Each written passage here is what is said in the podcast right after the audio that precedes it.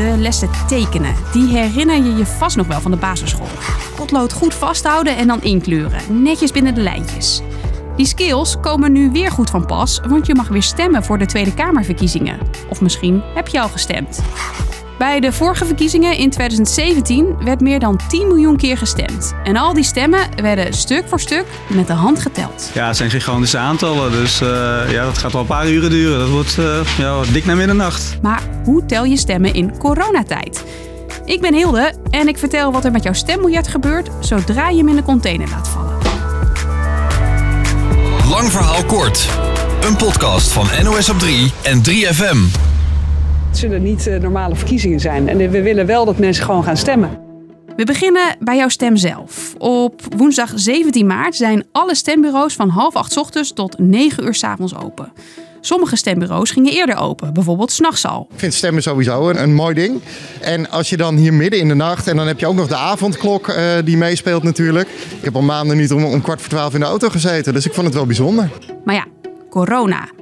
En dus konden ouderen of mensen met een kwetsbare gezondheid deze keer, als ze wilden, al twee dagen eerder stemmen. En dit allemaal om ervoor te zorgen dat iedereen die wil gaan stemmen ook kan stemmen, ook in coronatijd. Ook konden 70-plussers per post stemmen. Al ging dat niet altijd helemaal goed. Het is nog best lastig om dat erin te krijgen. Ho ho, nou maakt u een fout. Oh, wacht even, die moet in een aparte envelop. Bij de meeste stembureaus beginnen vrijwilligers om 9 uur, zodra de boel dicht is, met tellen. Oh, eens even kijken. Nou, dit is van uh, CDA. CDA. En ondanks de avondklok mag iedereen bij dat tellen komen kijken. Want de avondklok kan en mag vrije verkiezingen natuurlijk niet in de weg staan. Zodra het stembureau dicht is, ik ga de stembus openmaken. Gaat de grote container vol stembiljetten op zijn kop. Zo, dan is hij ook echt helemaal leeg. Vrijwilligers sorteren de stembiljetten eerst per partij.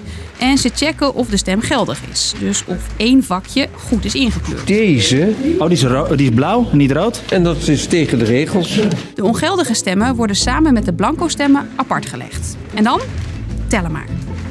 Lijst 2, CDA. Lijst 1 is 27. Bij tellen mag je een rekenmachine gebruiken of een computer, maar wel eentje zonder internet.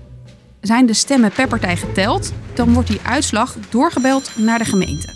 Daar tellen ze alle stemmen van de verschillende stembureaus bij elkaar op en dan meldt iemand de uitslag door naar persbureau ANP.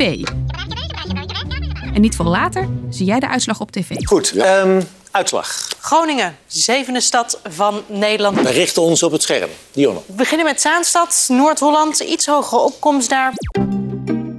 Maar dat is nog niet de definitieve uitslag. De vrijwilligers op het stembureau tellen alle stemmen nog een keer en kijken nu ook hoeveel stemmen iedere kandidaat heeft gehad. Is dat klaar? Dan schrijven ze alles op in een verslag. Dat noemen ze ook wel een procesverbaal. Nou, dat verslag wordt samen met alle stembiljetten netjes ingepakt en gaat naar het gemeentehuis. Dat mag niet even snel met een mailtje, maar dat moet echt fysiek gebeuren. Daar tellen ze alles weer bij elkaar op. Dit keer met een speciaal computerprogramma, maar weer met een computer zonder internet, om fraude te voorkomen. Uiteindelijk gaan alle stemmen uit het hele land, inclusief het Caribisch gebied, naar de kiesraad in Den Haag. En daar wordt alles nog een keer geteld.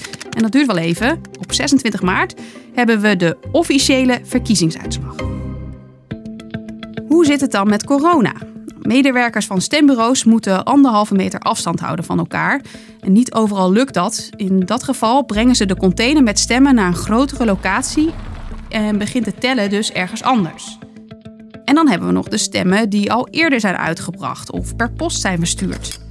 Op 15 en 16 maart checkten ze op het stembureau alleen hoeveel mensen die dag hebben gestemd en of de poststemmen wel geldig zijn. Daarna ging de boel achter slot en grendel. Pas op 17 maart, woensdag dus, gaat de stemcontainer weer open en tellen vrijwilligers alle eerder uitgebrachte stemmen, ook de poststemmen. Dat mag al voordat het stembureau dichtgaat, maar de uitslag die blijft tot 9 uur, wanneer je niet meer kan stemmen, geheim. Lang verhaal kort. Zodra de stembureaus dicht zijn, gaan vrijwilligers alle stembiljetten met de hand tellen. Vanwege corona mochten kwetsbaren of ouderen al eerder of met de post stemmen. Maar ook die stemmen worden op woensdag pas geteld. Ieder stembureau belt de uitslag door naar de gemeente. Die telt daar alles bij elkaar op en belt het weer door naar het ANP. En niet veel later zie jij de uitslag op tv. Inmiddels 54,8% van de stemmen geteld. Dus we krijgen een steeds duidelijker beeld van de einduitslag. Dat was hem weer. Wil je nou jouw stem nog een keer laten horen? Laat ons dan even weten wat je van de podcast vindt. Dat kan in een mailtje lvk.nos.nl of laat een recensie achter in je favoriete podcast app. Tot de volgende!